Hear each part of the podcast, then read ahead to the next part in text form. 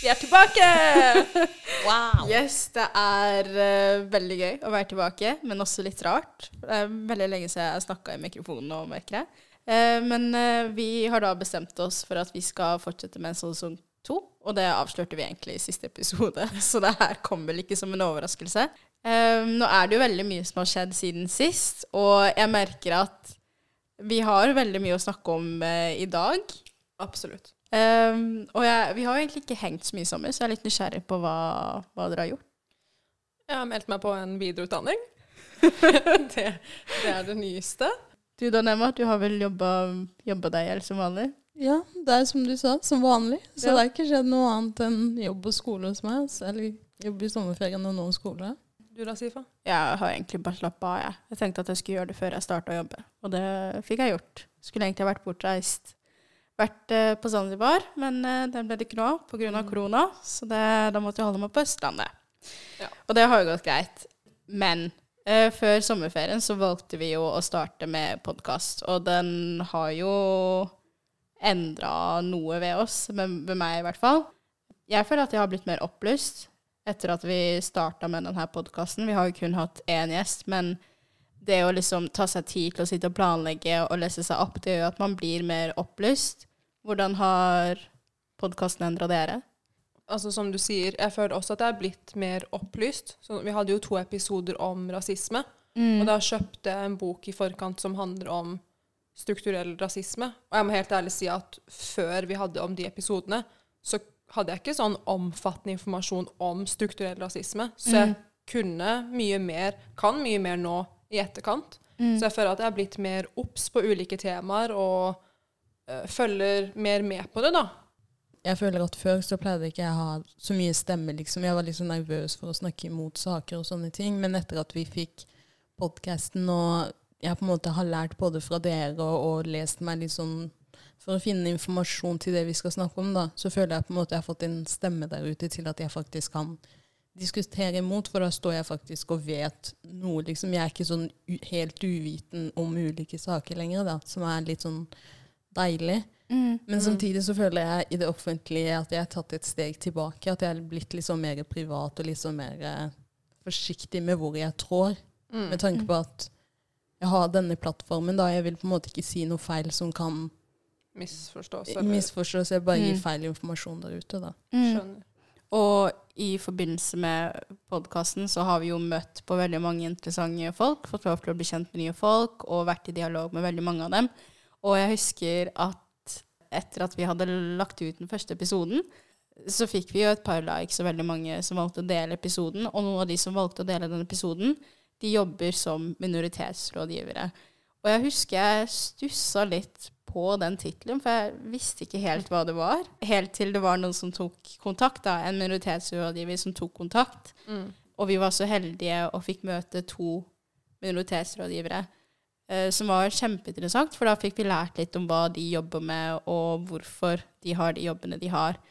Møtet var jo selvfølgelig kjempekoselig, men både i forkant av møtet og i etterkant av møtet så merka jeg at jeg ble litt skuffa over at dette At jeg ikke visste noe om, om de her folka. For det er jo veldig mange av dem. Jeg tror de er 52 stykk som er utplassert på ulike skoler rundt om i landet. Mm. Men jeg føler at jeg ble skuffa fordi én, dette er noe jeg som lærer burde vite. Uh, fordi da vet jeg hvem jeg skal henvise elevene mine til, hvis det er noe jeg ikke kan hjelpe til med. Og to, dette er jo ikke noe som De har jo vært der i flere år, og jeg vet at dette At disse folka hadde jeg kanskje trengt da jeg var yngre. Gikk gjennom disse tingene som jeg vet at man, noen rundt meg da så på som ja, litt unormalt og sånne Mm. ting.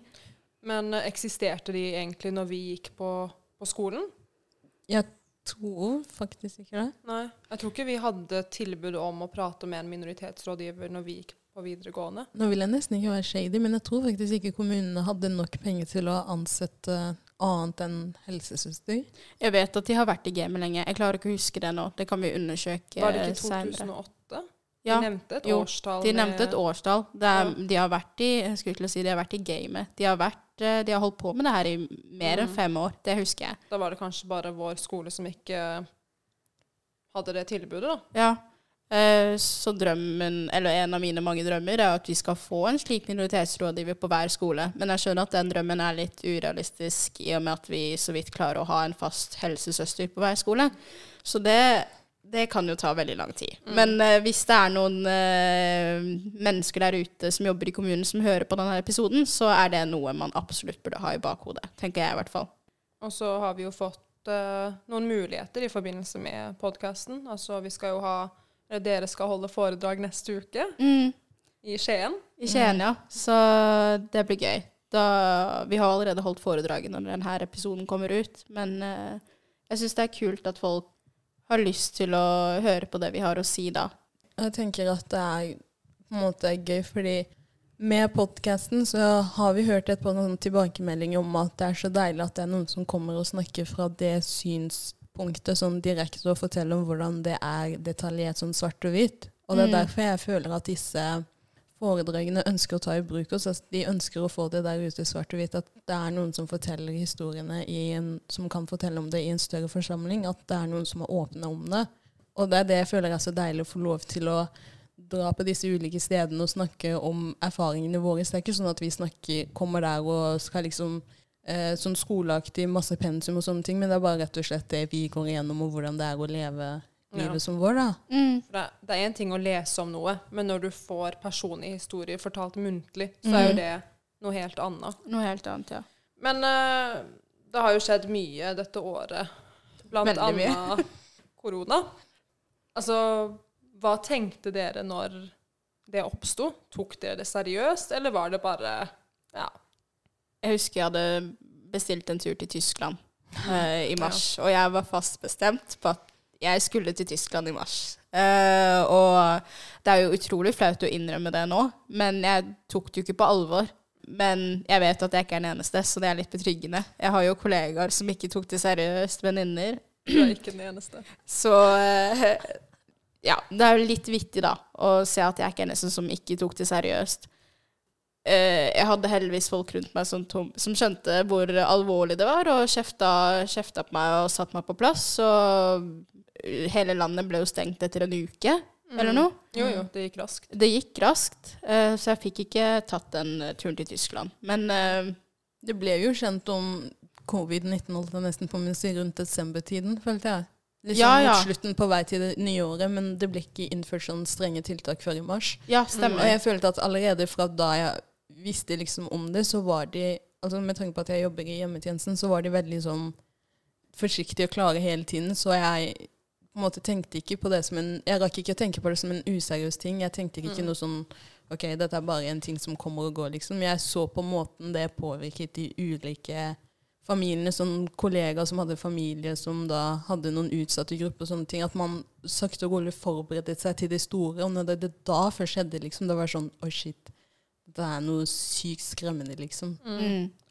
Jeg tok det jo egentlig ikke seriøst når det kom. Min største bekymring var jo at uh, utelivet skulle bli At uh, ja, utestedene skulle stenges og sånn. Og uh, ja, det var jo helt ærlig min største bekymring. Men så så man jo at uh, flere og flere ble smitta, og folk døde jo. Og det var da jeg tenkte at ja, det er ikke bare et lite virus, det er Nei. noe som faktisk dreper folk. Og så eh, tenkte jeg på det at foreldrene mine jobber jo i helsevesenet, og tenkte på at det kan jo, de kan jo bli smitta lett. Mm. Og det var egentlig da bekymringene oppsto, det var da jeg skjønte at OK, eh, man må faktisk ta dette seriøst og følge reglene og gjøre sitt for å ikke smitte andre. Mm. Og vi har jo sett at det er mange som ikke har eh, fulgt retningslinjene. Folk Da som er smitta, går ut. Da sola kom, så hadde alle glemt situasjonen, og jeg, mer, jeg hus, altså, Det er jo litt flaut å innrømme, det, jeg hus, det er jo noen klemmer jeg ikke burde gitt bort. Det, det skjønner jeg jo.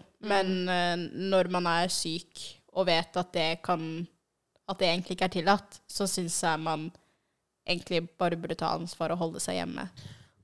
En annen ting som jeg synes var litt sånn eh, Som jeg tenkte faktisk og grubla veldig mye over, det var det her med Jeg studerer jo vernepleier, og en annen ting som jeg brenner for, er jo disse utviklingshemmede.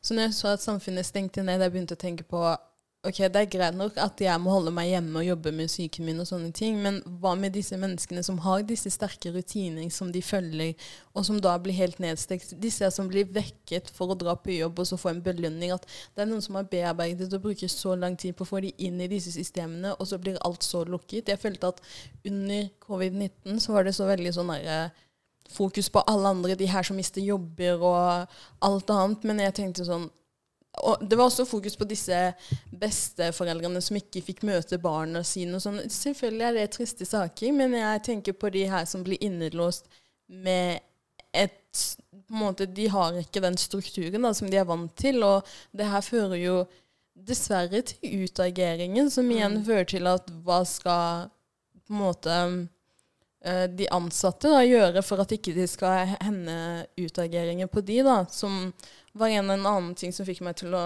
liksom, tenke veldig på hvor sterk denne koronaen var, da, mm. og hva slags konsekvenser det fikk, på, fikk for folk. Mm.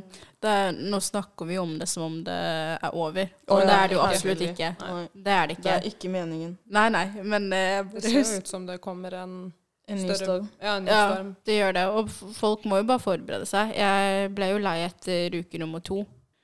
For jeg føler at det er liksom ikke meningen å snakke om det som en åpen at det er noe som er ferdig, men det er det med at vi opplevde det i mars, at hele samfunnet blir stengt. ikke sant? Mm, mm, og så mm. begynner de sakte og rolig å åpne for ting, og du ja. får høre sånn OK, nå kommer trening, OK, nå kan folk begynne å dra tilbake til Men med ulike hva skal jeg si, begrensninger, da. Mm. Så jeg føler at liksom der hoppa mange av eh, sporet, liksom, der hvor de trodde da at de ikke fikk Men kan jeg bare spørre dere, Jeg føler Følte dere at dere fikk den riktige informasjonen til riktig tid? liksom At nå skjer det og det og det, og nå og Sånn som den dagen i dag også. Er dere fullt klar over hva som egentlig skjer? Nei, jeg drukna jo Jeg husker jeg satt Jeg var inne på VG ja. øh, og lasta inn siden. Mm. Altså, jeg ble helt gal, for det var nye overskrifter hele tida. Ja. Hele, hele tida. Uh, jeg tror ikke jeg plukka opp så mye informasjon. Eneste jeg skjønte, var at jeg skulle holde meg hjemme hvis jeg følte meg dårlig. Og at jeg ikke fikk lov til å reise til Tyskland. Mm. Det var egentlig det. Jeg, skjønner, jeg føler som Hvis ikke det hadde vært pga. jobben min, så hadde det bare vært et stort spørsmålstegn. For jeg skjønner ikke hva som skjer nå. Jeg klarer ikke ut ifra de pressekonferansene og alle disse overskriftene de ulike avisene har. Jeg klarer ikke på en måte vite ok, hva er rett å gjøre, og hva er ikke rett å gjøre. Hva mm. er avstanden på folk? og det ble veldig mye spekulasjon. Det ble det. Men vi har jo helsemyndighetene, vi har jo Helsedirektoratet, de har jo nettsider, ikke sant, som mm. man gjerne kunne gå inn på og lese seg på. Der, det er jo der man skal, hvis man har behov for å finne informasjon, så er det jo der man skal gå, og ikke VG. Mm. Eh, bare sånn at det er sagt, hvis, hvis du skulle være noen andre der ute som er litt forvirra og litt fortvila, det er jo der man finner den riktige informasjonen. Mm. I tillegg til det her med korona, så skjedde det jo også veldig mye i samfunnet. Eh, vi har jo George Floyd, som ble drept. Og jeg husker da jeg satt og planla denne episoden, så tenkte jeg at det her er noe vi må få med. Men så tenkte jeg tilbake på den første rasismeepisoden vi spilte inn. Der snakka vi jo om rasisme. Mm. Og så snakka vi om eh, ulike hendelser som har skjedd tidligere i historien, og svarte folk som har blitt drept på gata.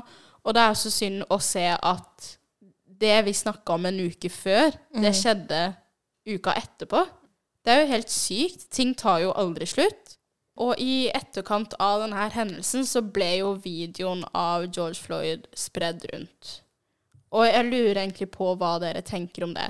Jeg, og, før dere skal få lov til å svare, så må jeg bare fortelle min opplevelse. Mm. For jeg husker at jeg våkna, eh, og jeg har en dum vane ved at jeg tar opp mobilen, går inn på Instagram, Blar ned, blar ned, blar ned, finner ikke noe interessant.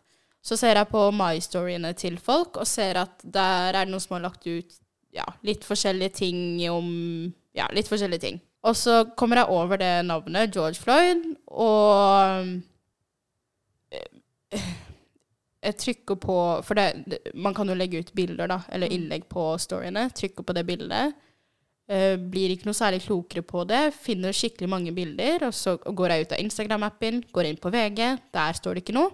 Og så må jeg inn tilbake på Instagram for å se om jeg kan finne noe ordentlig informasjon på det. Og det syns jeg er veldig trist, for det har jeg faktisk opplevd veldig mange ganger, at jeg er avhengig av Instagram, av alle apper, mm. for å få informasjon. Mm. Instagram er jo farlig, for der kan jo alle legge ut hva de vil. Ikke sant? Men uansett, eh, så fikk jeg sett denne videoen. For den starter å spille av når man scroller ned på skjermen. Jeg så den, lukka mobilen fint igjen, la den fra meg, og så var dagen min helt ødelagt. Og den samme videoen ble lagt ut på VG. Eh, Jeg kjenner at jeg er på gråten nå. Men jeg, jeg tror dere skjønner hva jeg mener om den saken. Jeg vil bare vite hva dere tenker om at akkurat den videoen ble lagt ut. Jeg skjønner jo hvorfor det vekker sterke følelser i deg, nettopp fordi det som ble delt rundt, var jo brutalt. Uh, groteskt, egentlig. Og jeg tenker jo at det egentlig i stor grad kanskje er unødvendig, for det burde ikke være slik at du må se en video for å skjønne alvorligheten av det som har skjedd. Det burde være nok at du hører om hendelsen og identiteten til mennesket som ble drept, og hvordan det skjedde, og hva nå enn. Uh, og også i forbindelse med familien og bekjente, hvordan det må være for de å se en sånn video gå rundt på nett og blir påminnet hver gang de tar opp mobilen eller egentlig ser på nyhetene. Jeg mener vel egentlig at det er unødvendig. Mm. Det, dette heter jo egentlig trauma porn på engelsk, hvor man legger ut videoer av Og det er som ofte svarte folk som blir drept. Og det vekker jo opp følelser i folk, fordi folk blir provoserte, folk blir sure, folk blir lei seg. Og det, en, det hele endte jo opp med at folk satte i gang demonstrasjoner rundt hele verden. Og mange av de demonstrasjoner de holder fortsatt på, og det er fint. Men er det virkelig det som skal til for at folk skal skjønne at rasisme er en reell ting? For folk har Svarte folk har blitt hengt og tatt bilder av. Og, altså Det er bare å søke det, så får dere det opp på nettet. Men er det virkelig nødvendig å legge ut de videoene? Skjønner ikke folk konsekvensene av det? For jeg, jeg, jeg tuller ikke engang. Hele dagen min ble ødelagt. Jeg la, jeg la mobilen fra meg, og dagen var helt ødelagt. Skal jeg si deg noe? Jeg har faktisk ennå ikke sett hele videoen. Jeg har ikke Nei. klart det. det er liksom, Nei, nei. Jeg har sett at den har vært overalt. Jeg har bare sett der hvor de har pågrepet og lagt nesten ned i bakken, og så stoppa det, liksom. Og det samme gjelder med han som var ute og jogga. Jeg klarte ikke å se den videoen. Jeg bare leste teksten, for jeg klarer ikke det å sitte og se på et annet menneske bli behandlet sånn, og tenke på at jeg skjønner ikke hvordan det i det hele tatt er greit at sånne ting kommer ut. For hvis ikke jeg tar feil, så fikk ikke familien vite det før videoen var ute. At det ble filma, tenkte du? Ja, for Ja. Det, fra det ble filma til det ble publisert, Mm. så tok det ikke lang tid. Det var nesten under 24 timer fra det ble filma og publisert til folk visste det. Mm. Og da hadde ikke familien rukket å vite sånne ting. Og det er det jeg synes er jævlig. Det er det jeg tenker sånn Hvorfor skal det gå så langt før folk aksepterer at dette skjer, dette er noe som skjer, og hvorfor må det et kamera Altså, jeg kjenner jeg bare begynner å riste nå, liksom. Et kamera må til for at folk skal endelig se hva som skjer der ute. Og når de først ser, så er det fortsatt noen der ute. Så når jeg leste en sak eh, Søstera mi viste meg faktisk en sak der hvor det sto at um, de hadde Altså han advokaten da hadde sagt at uh, George var på um, dop. At han var påvirket av dop. Og at det var grunnen til hvorfor han døde. Og når jeg leste det, jeg bare Jeg vet ikke om dette her er for å vekke enda mer følelser, men det er derfor jeg alltid stopper opp med å se disse videoene. For jeg vet at hvis jeg fortsetter å se på det, så bygger jeg et hat som er så unødvendig. Mm. Og da blir jeg sånn Da synker jeg på dems nivå, hvis det gir mening. Ja. Men grunnen til at jeg syns det her er farlig, altså det med deling av de her videoene, er at Altså det er mange grunner, men jeg tenker at en av de største grunnene er at da er man med på å normalisere det her.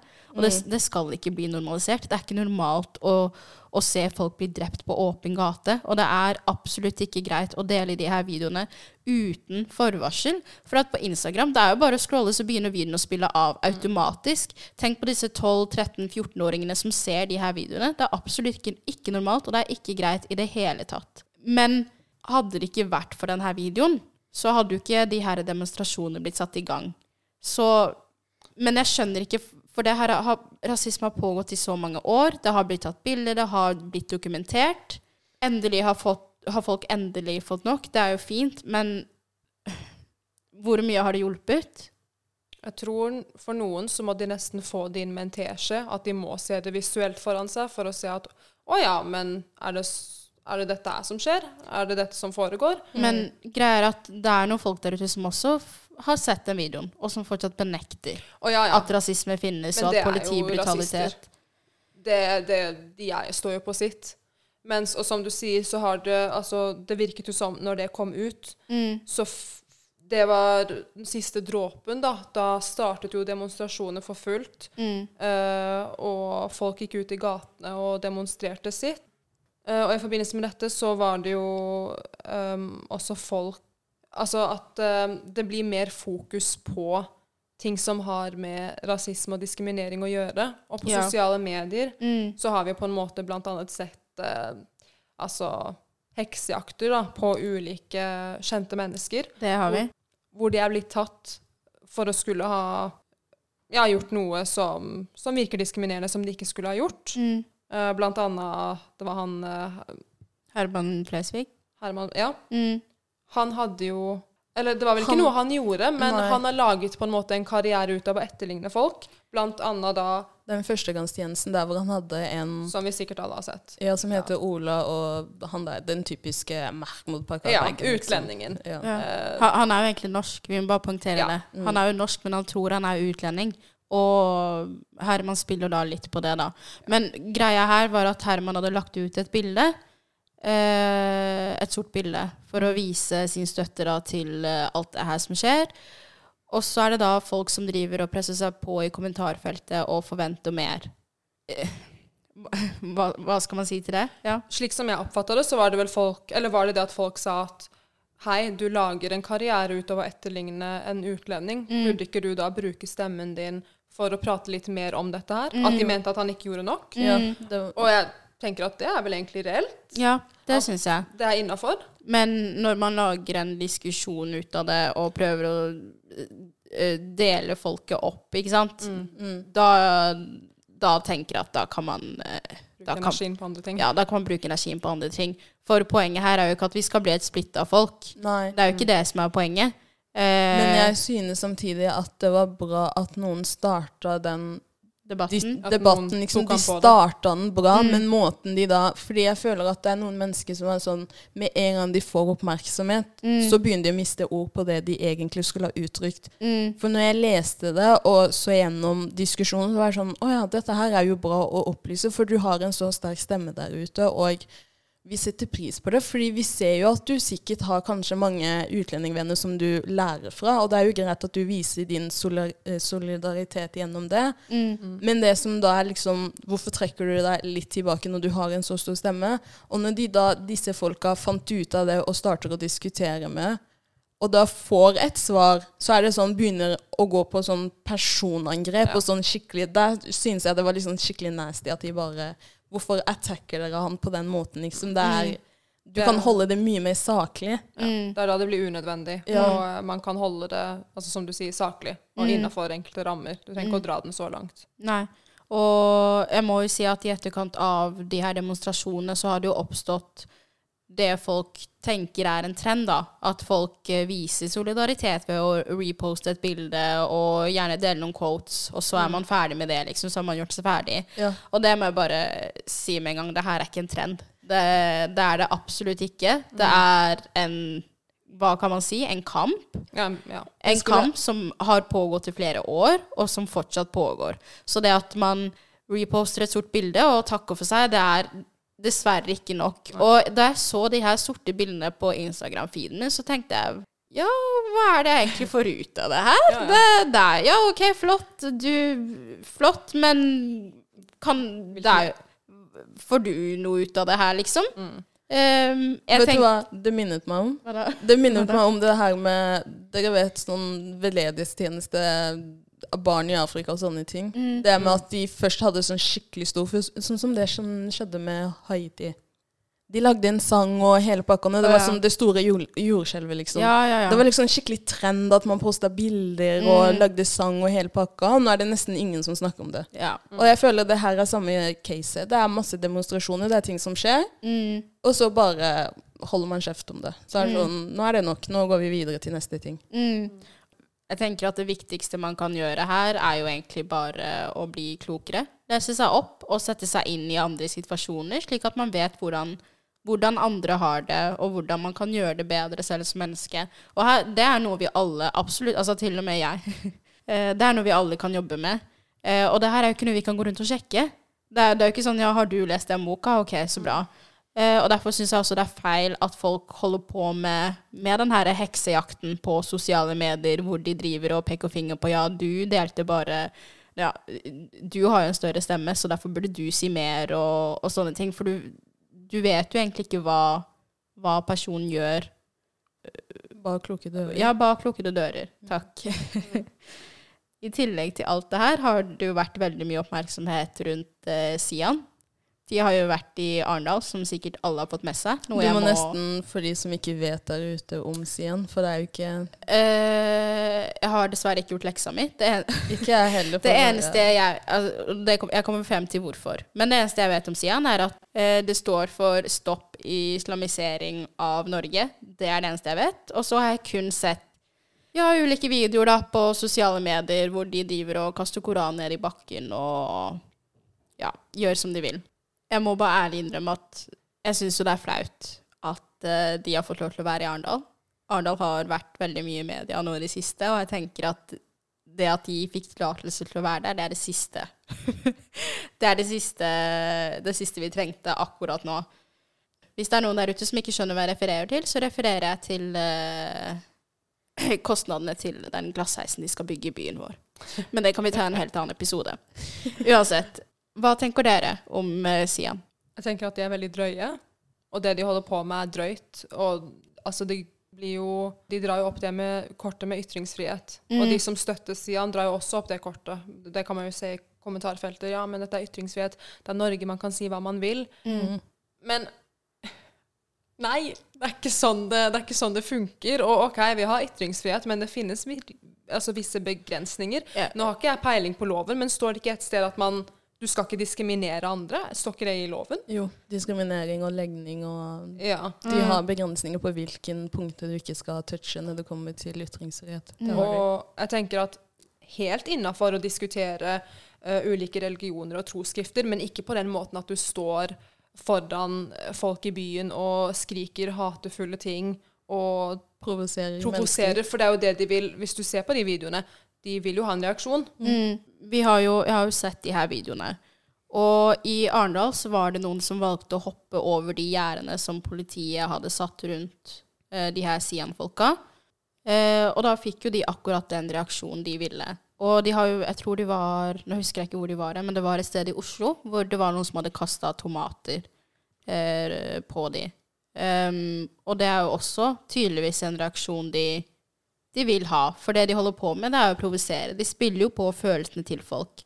Og jeg sier ikke det at det de holder på med, er greit. For det er det absolutt ikke. Men jeg tenker at som mennesker så har vi faktisk valg. Når du vet at det de gjør, er å spille på følelsene dine, så kan det være lurt å sette fornuften foran følelsene. Mm. Fordi eh, når du driver og kaster tomater og hopper over gjerder, så får jo det konsekvenser. Det gjør det. Og da, det går jo bare utover deg.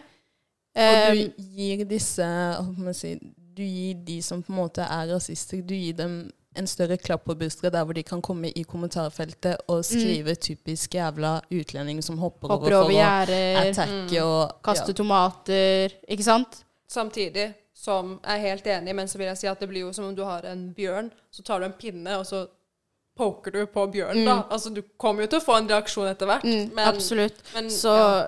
Eh, det med å kaste tomater og hoppe over gjerdet, det syns ikke jeg er greit. Men jeg vet at i Oslo så, hadde, så, så ble det oppretta et arrangement hvor folk kunne ta med høyttalere eh, og spille av høy musikk, da, slik at det, det Sian ville få frem, ikke kom frem da, pga. denne høymusikken. Og det er noe som absolutt burde ha blitt arrangert i Arendal òg.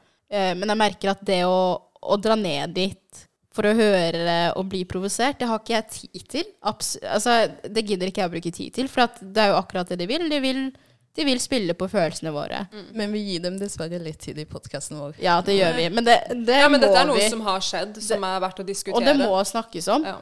Uh, vi har enda mer på agendaen. jeg må bare Det er en episode som uh, provoserte meg utrolig mye. Jeg har en venninne som i typ uh, juni-mai la ut en video på TikTok hvor hun fortalte om eh, en rasistisk hendelse. Og i den TikToken så innledet hun med å si at eh, Folkens, jeg bor i Norge, hvor det er normalisert å bruke eh, rasistiske begreper.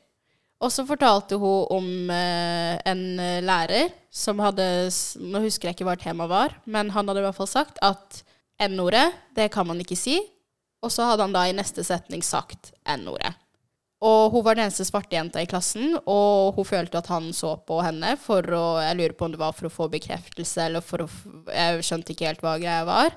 Men heldigvis så hadde hun motet nok til å si ifra. Hun hadde mot til å stå opp for seg selv og si at det her er ikke greit. Du sa jo nettopp at du ikke får lov til å si det ordet, og så sier du det i neste setning. Det gir absolutt ikke mening. Det er jo bra. Men det som virkelig gikk inn på meg, var at eh, hun fikk veldig mange reaksjoner på denne TikTok-videoen. Og da var det veldig mange unge uh, barn uh, som gikk på grunnskolen, som hadde kommet med lignende historier av lærere som har brukt N-ordet, eller lærere som har sagt Altså når de har sagt ifra til lærere om at de har blitt kalt for N-ordet, da, så har lærerne reagert med å si ja, men det er bare et ord. Det trenger du ikke å henge deg opp i. Og det gjør jo vondt i lærerhjertet når eh, folk forteller om sånne opplevelser, for sånn skal det absolutt ikke være. Jeg skal ikke bruke lang tid på å snakke om denne hendelsen, men poenget her er at man vet aldri hvilke erfaringer barn har med disse ordene. I den første Jeg lurer på om det var i den første rasismeepisoden hvor du fortalte om da du våkna opp og noen hadde skrevet 'neger' på murveggen deres, var det da? Ikke sant? Tenk om du som, som min elev da hadde kommet bort til meg og sagt at ja, det er en som kaller meg, som kaller meg neger, eller Knut kaller meg neger, og så hadde jeg sagt ja ja, men det er jo bare et ord, det er jo ikke noe du trenger å henge deg opp i. Åssen Altså, kjære, kjære lærerkollegaer, hva tenker dere den eleven tenker da? Jeg ble jo først og fremst sjokkert at det her pågår ennå. Det her er noe, altså hadde det her vært for ja, 50-60 år siden, så hadde jeg tenkt ja, ja. Eh, men folk har jo kanskje lært siden den tiden. Men det her er jo ting som fortsatt utrolig nok pågår i 2020, og sånn skal det absolutt ikke være. Eh, jeg bare følte jeg måtte få det frem nå som jeg har en plattform, at kjære lærere, det er absolutt ikke greit, og sånt må bli tatt tak i. Punktum. Absolutt. Jeg synes nesten det er litt sånn Noen ganger så føler jeg at det er litt provoserende der hvor de alltid sier at innvandrere eller utlendinger ikke tåler så mye, skjønner dere? Mm. At de sier ja, men det må jo være greit å si det sånn, og det må være greit å gjøre sånn. Og da tenker jeg sånn OK, du har denne her Black Lives Matter-demonstrasjonene og ting som foregår. Er ikke det her et tegn på at, de har synes, at vi har syntes at det har vært greit nok litt for lenge nå? Er ikke det et tegn på ting som skjer, at vi har syntes at nå er det nok, liksom. Nå har vi latt dere snakke så mye at vi Det er liksom Jeg vet ikke om dere har fått med dere den der memen som handla om OK, Karen. Ikke sant? Den der med De har på en måte en oppdiktet person da, som er sånn typisk sånn Ja, men det, Ikke for å være rasistisk, sånn typiske Ja. sånne kommentarer. Det er, det er liksom Vi lever i 2020, og vi har akseptert ganske mye. Og det er ikke det at vi er hår... sånn- hårsåret? Hårsåre. hårsåre, liksom. Det er ikke det, men det er liksom det at hvor mye skal en person takle? Hvor mye er greit, liksom? Det er akkurat sånn som øh, Jeg vet ikke hva slags eksempler man skal ta opp, men det er bare det rett og slett at nok er nok. Det er ikke greit lenger. Vi Akkurat sånn som folk stjeler av ulike kulturer. Tacofredag. Fader, hvor kommer det fra, liksom? Det er sånn La oss Ja, ikke sant? Sånn Jo, jo. La oss innse at vi er blitt en globalisert verden Ja. der hvor vi, vi må passe på. Mm. passe på hva vi sier, og til hvilken sak. Det er ikke greit for en lærer å stå der og si det er greit å så kikke på den eneste mørkhudede eleven i klassen, Mm. liksom. Det burde si litt. Heldigvis var hun mo modig nok til å stå opp for seg selv, og det er jo skikkelig bra. Men det er så mange elever der ute som ikke tør å stå opp for seg selv. For det er jo læreren. Det er jo læreren sin jobb å vise støtte og, og empati. Det er jo lærerens jobb å, å både utdanne og danne folk. Og når du holder på sånn, så er man med på å danne sinte jenter og gutter. Og gjett hva? De sinte jentene og de sinte guttene de kan vokse opp til å bli sinte menn og sinte kvinner. Og det har vi absolutt ikke behov for i det samfunnet vi lever i da. Så Det er derfor det er viktig å prate om dette her, og det er jo derfor vi gjør det. Vi har en plattform, og da prater vi om ting som er aktuelle, som har skjedd. mm, Uh, og jeg tror de folka som sier at, uh, at utlendinger er hårsåre, da, og at um, nå er det for mye prat om dette, det er vel fordi det er ubehagelig for dem, fordi de får realiteten hver dag, og folk liker jo ikke å høre ting som er eh, Sant. som er ubehagelig. ikke sant? Mm. Det er jo ikke alltid komfortabelt, og Absolutt da blir man skyver det under teppet. Men uh, nope. Preach, Sanna, Det, preach. det er over. Det er over. Si det, jenta mi. Si det. Så nei. Mm. Men um, ja, nå uh, har vi prata en del, men uh, fornuftige ting som er kommet fram. Og Mm. dette var litt om, om våren 2020, hva Mm. som har skjedd. Og jeg har jo lyst til å nevne, uh, om jeg får lov av dere, noe som, en ting som kommer opp i framtiden. For jeg, synes, jeg gleder meg veldig mye til denne sesongen. Jeg føler vi har mange interessante temaer, men vi Mm. skal også ha en del gjester. Mm. For det er noe som har blitt etterspurt. Litt flere perspektiver. Ja. Eh, og så Ja, det glemte vi å si i stad. At da vi møtte hun ene minoritetsrådgiveren, så sa hun at hun ble litt eh, sjokkert over hvor ulike vi egentlig er. For i podkasten så fremstår vi egentlig som ganske like, så jeg håper at eh, våre ulikheter da kommer bedre fram i denne sesongen. For vi er jo egentlig ganske ulike. Jeg tror aggresjonen vår og meningene Jeg tror det er mer passion i denne sesongen. Også. Det, Ja, absolutt. Uh, men uh, ja, kan vi kanskje liste opp noen temaer som uh, Vi skal jo snart prate om psykisk slitasje på jobben. det er superviktig. mm, Vi skal, og litt mer om kjønnsroller. Ja. Mm, så skal vi ha en gjest som er papirløs. ja. Mhm. Um, en som er adoptert. Det gleder vi oss til. Så tusen takk for at uh, du har lytta. Følg oss gjerne på Instagram på sjamener.pod. Og vi snakkes